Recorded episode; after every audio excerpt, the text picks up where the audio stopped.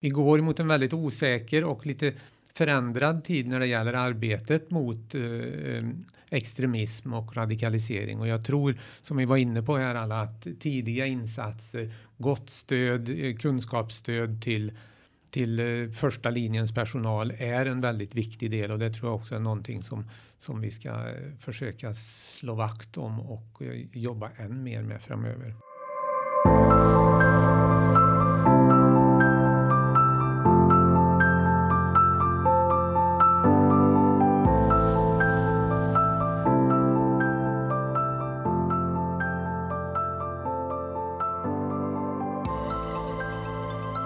Hej och välkomna till Agera-podden. Det är en podcast där vi på Agera Värmland tar upp frågor inom mänskliga rättigheter, demokrati och diskriminering. Allt med ett särskilt fokus på Värmland. Och idag så har vi med oss Hanna Fnell. Och Nina Karlsson Norman. Och Per Hydén. Och jag, Lars Stjärnelöv. Eh, jag har ett uh, litet tema för dagens podd, men jag sparar det till vi har gjort vår lilla spaningsrunda och jag tänker vi börjar med Hanna. Ja, min spaning från senaste veckorna. Det är en uh, nyhetshändelse där rubriken är Man häktas för förberedelse till allmänfarlig ödeläggelse. Och det är då en relativt uh, nylig händelse då där eh, en eh, man som misstänks ha kopplingar till våldsbejakande högerextremism som man kallar det i artikeln. Eh, ja, häktas för förberedelse till att då begå ett allvarligt brott så då, som man misstänks av SÄP bland annat. Och jag tänkte dra en liten annan take på det här kanske än eh, vad som redan har spritts om man läser nyheterna så. Och det är ju lite utifrån det jag följer. Det är ju sociala medier och vad folk skriver om sådana här saker. Och ja, det största intresset eh, när sådana här saker händer som arresteringar och sånt, det är ju ofta frågan, är det rätt eller fel att man griper någon? För de här åsikterna och beroende på vilket forum man är så kan du ju alltid också följa en diskussion med är det rätt eller fel att ha de här åsikterna till att börja med. Är det rätt att man kan förbereda, eh, förbereda sig för sådana här brott och sådär. Men det andra stora intresset är ju alltid vem är det? Och då på individnivå, inte bara att det är någon som bor ungefär här som har gripits utan vilken person är det? Och det brukar man kunna lista ut genom att leta runt lite och det går alltid i sådana här forum hitta både förnamn och efternamn och bostadsort och olika eh, organisationer, sådana här personer som grips för brott eller misstänks för brott också faktiskt, inte bara sådana som faktiskt åtalas. Eh, hittar jättemycket information om de här. Och det för mig lite in på ett fenomen som kallas doxing. Eller det har kallats doxing ett tag i alla fall så. Eh, och doxing är då en lite, man, vissa ser det som aktivism typ. Och det blir liksom en annan extrem bit än just den här våldsbejakande högerextrema så ute på gatorna och så utan det är ett fenomen där man samlar på sig mycket information om någon och publicerar det på nätet. Och det kan faktiskt också i sig vara ett brott av ett annat slag för det eh, just grejen med det här det är att man ska visa upp de här personerna. Man, till exempel man visar upp personer som är eh, eller misstänks för att sympatisera med nazism. Så, och eh, eh det kan också innebära en uppmaning att man ska begå våld mot den här personen eller skicka massa spammeddelanden och sådana bitar. Så, så det tycker jag det är ett ganska ett intressant sidospår kring sådana här händelser. Alltid vårt enorma intresse och nyfikenhet att få reda på vem det är. Eh, att det finns en stor del i det här som är något liksom ständigt pågående sån här utpekande av personer. För vare sig det är rätt person eller inte man hittar så kan det här leda till väldigt stora konsekvenser för de som får hela sitt liv publicerat. Jag tänker nu när vi har haft den här jättestora debatten om GDPR som väl ändå fortfarande alla kanske inte helt har landat i med hur man hanterar personuppgifter och olagliga publiceringar av dem. Att det i internetforum, då finns det väldigt, väldigt mycket information att hitta om folk. Och när man har där rättigheter till sin integritet och sitt privatliv och sånt. Det är en diskussion som kanske inte alltid tas när den vägs mot allmänintresse. Jag tänker i medier så här som Jag, jag läste rubriken som stod i SVT. Då är det liksom man häktas och de nämner precis att det är i Falköping det rör sig om. Men eh, kollar man på sociala medier istället då kan man eh, veta den exakta adressen var den här personen bor och det kan ju leda till eh, det leder ju till hot, det kan leda till förföljelse och det kan vara folk som kanske inte riktigt är korrekt utpekade också. Så det var lite min spaning på den här veckonyheten. Jag lämnar vidare till Nina med hennes spaning tänker jag. Mm, tack. Eh, och den här gången så tänkte jag lyfta upp ett rättsfall eh, som handlar om att diskrimineringsombudsmannen har stämt ett bussbolag.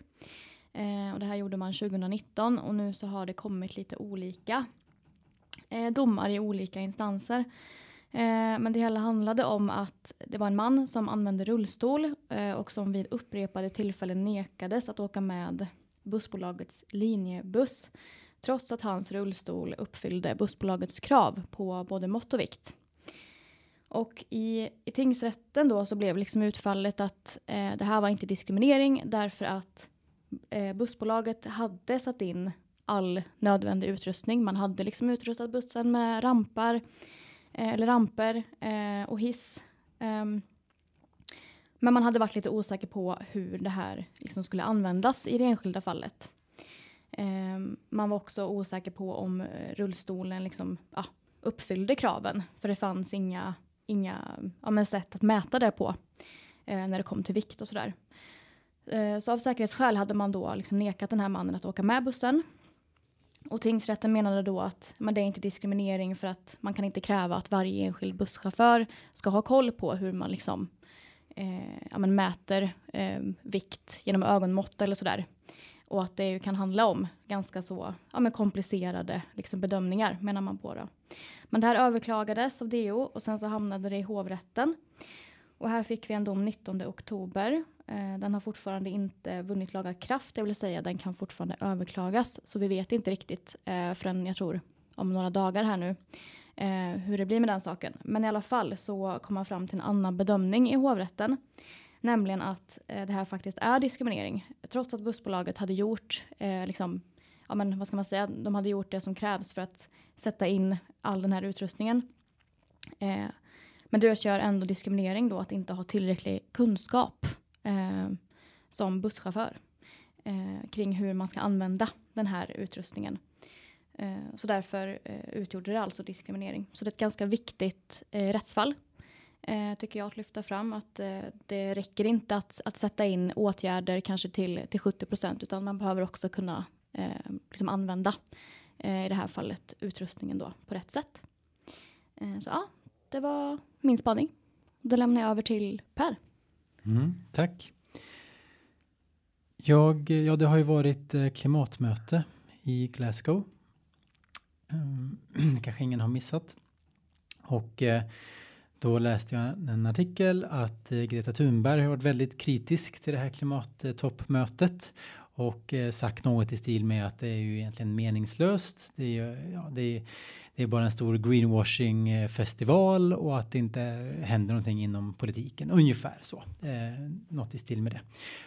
Och hennes uttalande har föranlett en del kritik. Jag läste i nyheterna då att det var Norges klimat och miljöminister och även någon stor ledarsida i Norge, jag kommer inte ihåg vilken det var, som menar på att det här är ju ett eh, oansvarigt sätt att, att av Greta Thunberg då att, att gå ut och kritisera på det här sättet för att vad är alternativet? Alltså menar hon då att eh, man ska gå ifrån de demokratiska systemen och eh, när man tycker då att det går för långsamt.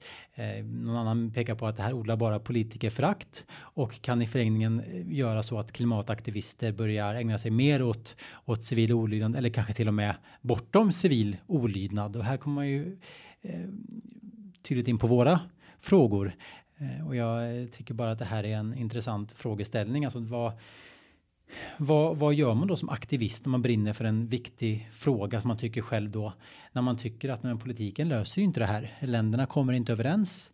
Det här går alldeles för långsamt. Just när vi har en sån fråga som klimatkrisen som är, inte är så pass ja den är ju akut, men man tar jämförelse med, med coronapandemin som då var ju det en akut kris här och nu. Ja, men då hittar man lösningar här och nu och man anpassar sig. Det här är ju så pass ändå en kris som är så pass långsam så att vi inte riktigt kommer till akut handling just nu. Och vad kan det då leda till?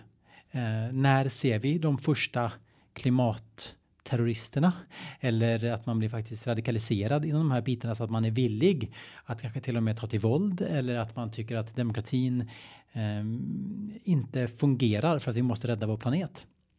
Det här är bara en, en eh, frågeställning, tankeställare som jag fick när jag läste det här.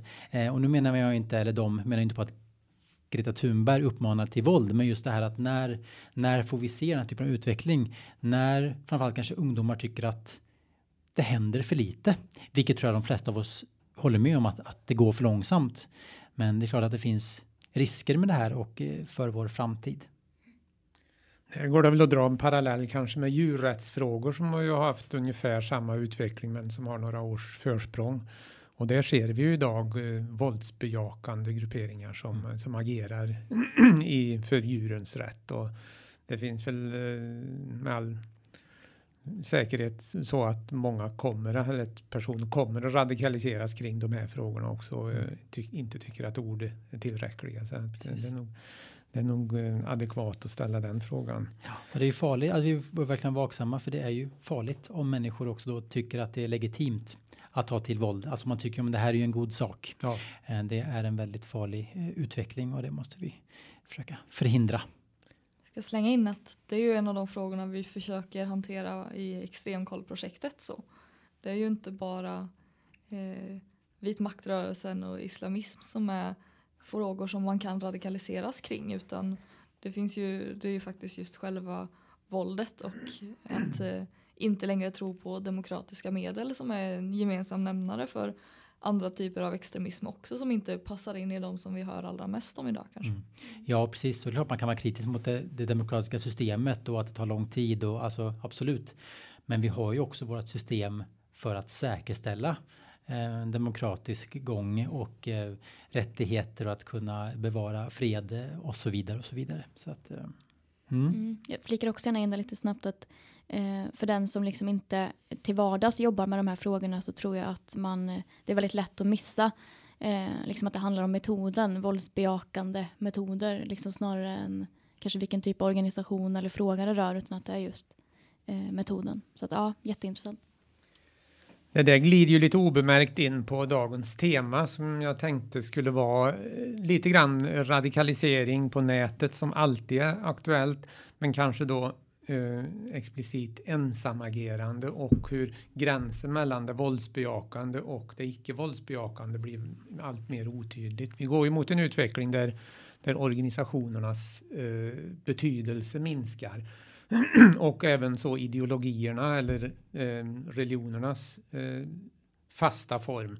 Så att vi ser ju idag där, där frågor flyter ihop lite grann och då kommer en sån fråga som klimatfrågan till exempel. Vi har ju inom radikalnationalistiska grupper har vi, har vi ju ekofascism idag som ju då lutar sig på en gammal tradition eh, ända från 1800-talet men som naturligtvis tar formen i dagens eh, klimatfrågor. Kanske till viss del populism och till viss del eh, också ur ett ideologiskt perspektiv. Och även också djurrättsfrågor som ju, som ju kommer in. Så att det här kommer alldeles säkert att bli. Och, så jag tänkte eh, just kopplat till, det blir egentligen två spår i, i, i dagens huvudtema. Det, dels det ena är då eh, ensamageraren. Jag eh, läste i The Guardian, tror jag det var, om Lone Wolves är ofta known wolves och det tyckte jag var en så bra formulering för att det passade också ihop med med ett citat som, som en bekant till mig, Amir Rostami, som är eh, kriminolog. Eh, han uttalar sig i P1 här för, för ett par veckor sedan att, att de allra flesta som vi ser eh, som hamnar i kriminalitet eller radikaliseras har under sin uppväxt varit i kontakt med våra olika trygghetssystem. Och han menar då att med rätt kunskap så kan vi tidigt fånga upp de här individerna. Och därför tänker jag idag, alltså jag har inget egentligt svar på den här frågan utan här tänker jag mer slänga ut den här problematiken som vi står inför. Att det här är personer som är kända för oss. Vi har mött dem, vi har suttit vid deras sida kanske och hört deras kritiska berättelser tidigt men inte riktigt kunnat svara upp och ge dem en, en, en plats eh, i, den, i det vanliga öppna demokratiska samhället. Så sen så går det en tid och så radikaliseras man och så kommer man ut som kanske en, en ensamagerande aktivist. Och vad gör vi åt det här problemet? Vad, vad, vad kommer sig det här av? Var, varför hamnar de här människorna i utanförskap? Det, det tycker jag är en väldigt intressant fråga. Och innan jag går vidare så kan jag bara slänga ut ordet fritt här. Är det någon som har någon bra tanke kring det? Ja, men det är ju det är många intressanta frågor. Alltså utanförskap är ju en hel egen fråga. Som, om man tänker det som ett vändiagram så finns det ju en eh, gemensamma bitar med ensamagerande och extremism. Så. Ganska stora kanske. Men eh, där det också kan vara väldigt mycket utanförskap som inte leder till det också. Och då är, vad är skillnaden? När det inte blir så är ju också en intressant fråga. Men eh, eh, ja, jag, släpper vidare tror jag innan jag glider in på min monolog. Mm. Jag tror att det är ofta väldigt komplext, så svårt att jobba eh, med den här typen av, av eh, individer, situationer och de typer av problem eller utmaningar som de här individerna står inför. Jag tänker bara en, ett exempel är att socialtjänsten får ju ofta kritik eh, när det är sådana här ärenden. Har, har det begått något våldsdåd av en så kallad ensamagerande då, så, så kommer det ofta fram att ja, socialtjänsten hade kännedom och hade kontakt. Varför gjorde man inte mer? Men vänder man på, på perspektivet och ser det från socialtjänstens perspektiv så är det ofta väldigt svårt också. Alltså man har försökt från de frivilliga insatser som, som finns. Det är också väldigt svårt att få sätta in tvångsinsatser. Då ska det ha gått väldigt långt. Jag tänker att det kräver väldigt stor eh, kunskap och kompetens att också avgöra.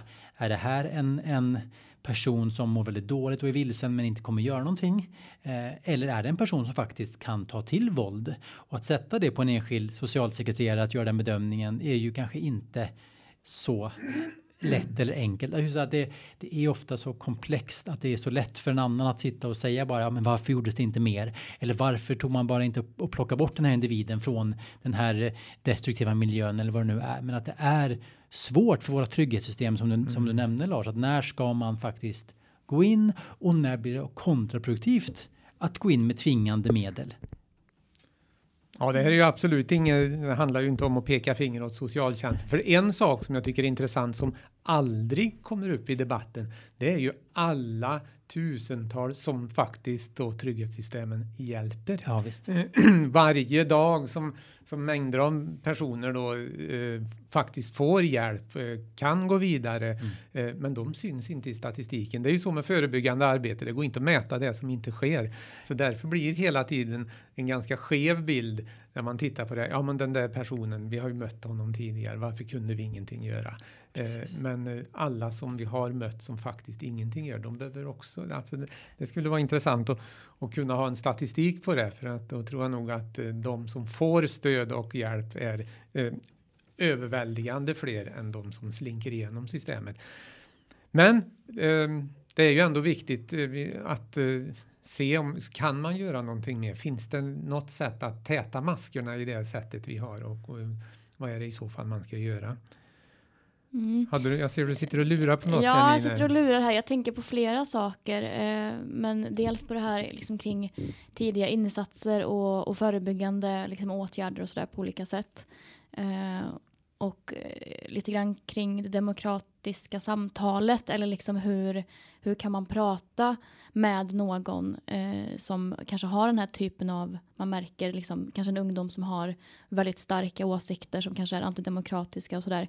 Hur möter man den personen och hur, hur pratar man om de här sakerna eller tystar man samtalet och, och väljer att inte bemöta det till exempel eller går man, eh, tar man i väldigt hårt och liksom tystar personen i fråga så kanske de här åsikterna får, får gro ändå fast på insidan. Alltså, ja, sånt tänker jag på. Mm. Verkligen jättebra spår där för alltså, det är så svårt. Många av åsikterna så som ligger till grund för våldsbejakande extremism är ju väldigt obehagliga. Och många, om man hör barn eller unga uttrycka kanske rasistiskt eller olika saker, då reagerar man ju väldigt starkt på det och vill ta avstånd från det eller så. Och ur ett förebyggande perspektiv så är det tyvärr ganska kontraproduktivt. Eh, det kan ju vara väldigt bra om man, det handlar om att man vill skydda någon som blir utsatt så. Men vi, det är ju väldigt naturligt att om vi bara tar, tänker oss själva. Ja, men blir, vi, blir vi ifrågasatta om det är någon som reagerar superstarkt på någonting vi säger. Den första reaktionen är ju väldigt sällan hmm, okej okay, nej jag hade fel utan man blir defensiv. Och så hittar man mer och mer försvar för de här åsikterna. Så att bli mött eh, väldigt aggressivt.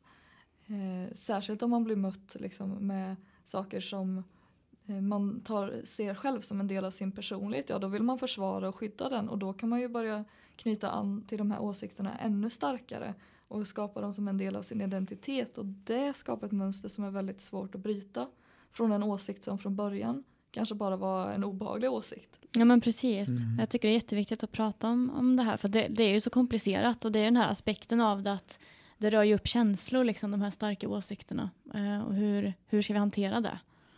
Ja, bemötandet är ju viktigt och nu har ju också de här starka åsikterna fått en ny arena eh, de, den senaste tiden eller senaste årtiondena när, när internet har tillkommit som en parameter.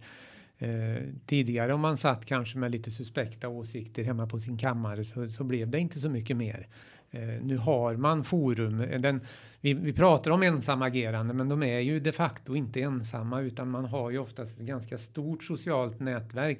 Men man har det inte i det vanliga öppna livet utan man har det i, eh, eh på nätet och med personer som man kanske egentligen inte känner. Man vet inte ens om, om de vill en väl men de kanske passar in i, i den åsiktskorridor man har och, och, och resonerar kring. Och då tillkommer ju också eh, de sociala mediernas eh, algoritmer som styr in dig och du, du kanske då fastnar i en ekokammare som du inte riktigt hade gjort tidigare. Och det tror jag också förstärker den här utanförskapseffekten hos den en, ensamagerande. Man hittar en sanning i de här olika forumen och vilket då kan leda till en radikalisering. Eh, det är ju mer än kanske en förklaring, eh, inget eh, botemedel naturligtvis, men, men vi, där har man åtminstone kanske ett hum om var, varifrån de här, den här problematiken, varför den har blivit så tydlig nu på senare år. Eh, och det tror jag man kan hitta i, i diverse chattforum. Mm. Om jag får flika in där bara, jag tror också det är ju så viktigt då att första linjens personal som eh, elevhälsoteam och, och socialsekreterare får kunskap kring de här sakerna. Eh, som du just nu nämner Lars, att det, det, vi, vi kallar det ensamagerande men det finns ett sammanhang, kanske ofta på nätet just nu. Och att känner man sig osäker när man träffar en person eh, så ska man kunna få stöd i det. Som vi exempelvis bedriver, att, mm. att vi mm. kan ge handledning till eh, första linjens personal för att man ska bli lite mer säker på vilka olika möjligheter det, det finns. Vad, vad, har vi i vår, vår verktygslåda som vi faktiskt kan ta till? Eh, för det finns ju, men de, kompetensen finns ju ofta såklart utifrån hur man ska bemöta och sådär, men det kanske behövs lite extra kunskap kring just den här, den här problematiken och då kan ju vi erbjuda den. Så det tror jag är en väldigt viktig del i, i det här att, att, att våga också ta hjälp i sin profession mm. från de som har expertkompetens. Då. Ja, för då handlar det ju framförallt om den här tidiga upptäckten innan det har gått för långt. Och, för det är ju det vi hamnar oftast även i debatten att vi, vi pratar om reaktiva åtgärder med, med, brott, med straff mm. mot begångna brott. Mm. Istället så måste vi försöka flytta eh, till att eh, tror jag, skapa ett mycket bättre förebyggande eller större förutsättningar för de som jobbar förebyggande. Man är hårt pressad inom elevhälsa och socialtjänst idag så att eh, den här alla de här 10 000 nya poliserna skulle kanske också flankeras av 10 000 nya socialarbetare. Mm. Då tror jag vi kunde uppnå en effekt som skulle bli eh, långt mycket mer. Mm. Det finns ju en, eh, en intressant diskussion om hur det faktiskt ser ut på nätet och så som är en liksom, egentligen en faktafråga som är svår att besvara eller inte om det här med ekokammare.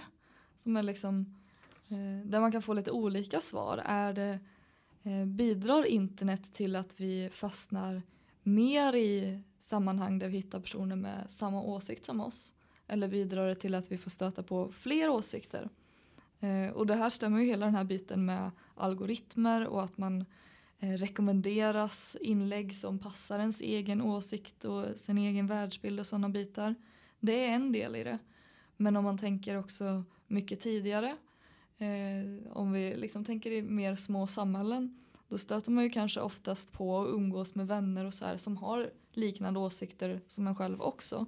Kanske inte superspecifikt nischat att man kan hitta en grupp med just den här radikala åsikten så. Men man stöter kanske ofta innan internet eh, stöter man kanske också ganska sällan på personer med väldigt andra åsikter än en själv.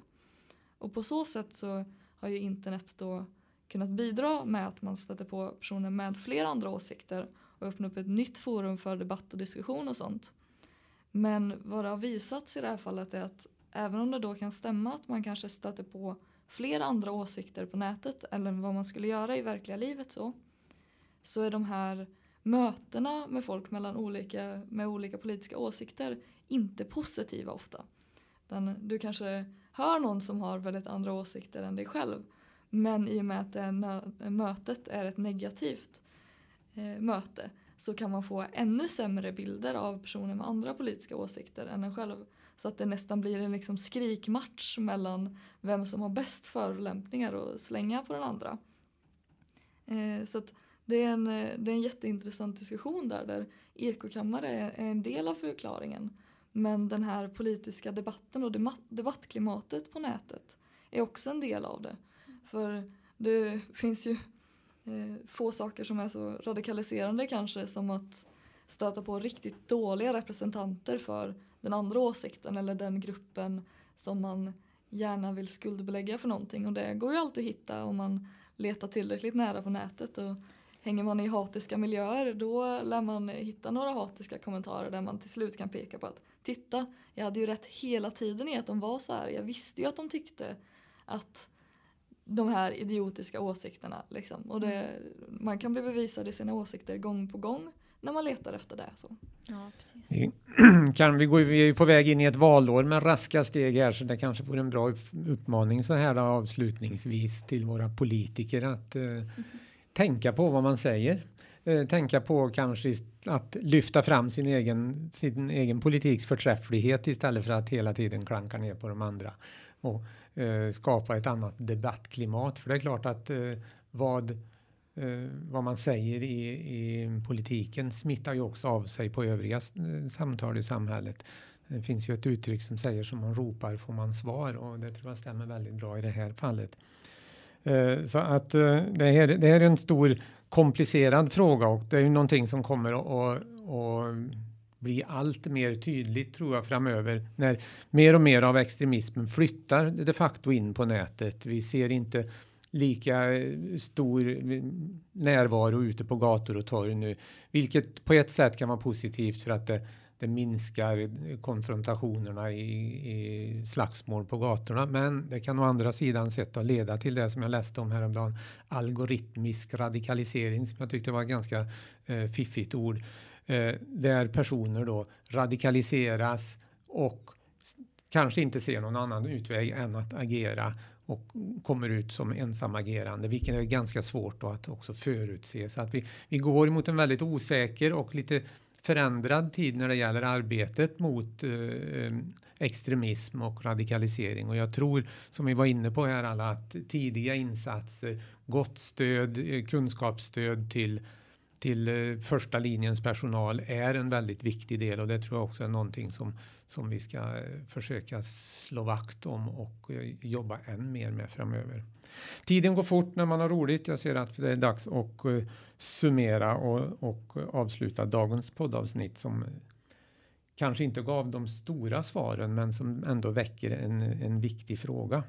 Så jag tackar för dagens samtal och eh, tackar också dig som har lyssnat. Kolla in på Agera Värmland på sociala medier. Vi finns på Facebook, Twitter och Instagram. Och eh, du hittar även mycket information på vår hemsida som är ageravärmland.se. Hej då och tack för idag. Hej då, tack. Hej då. Hej då.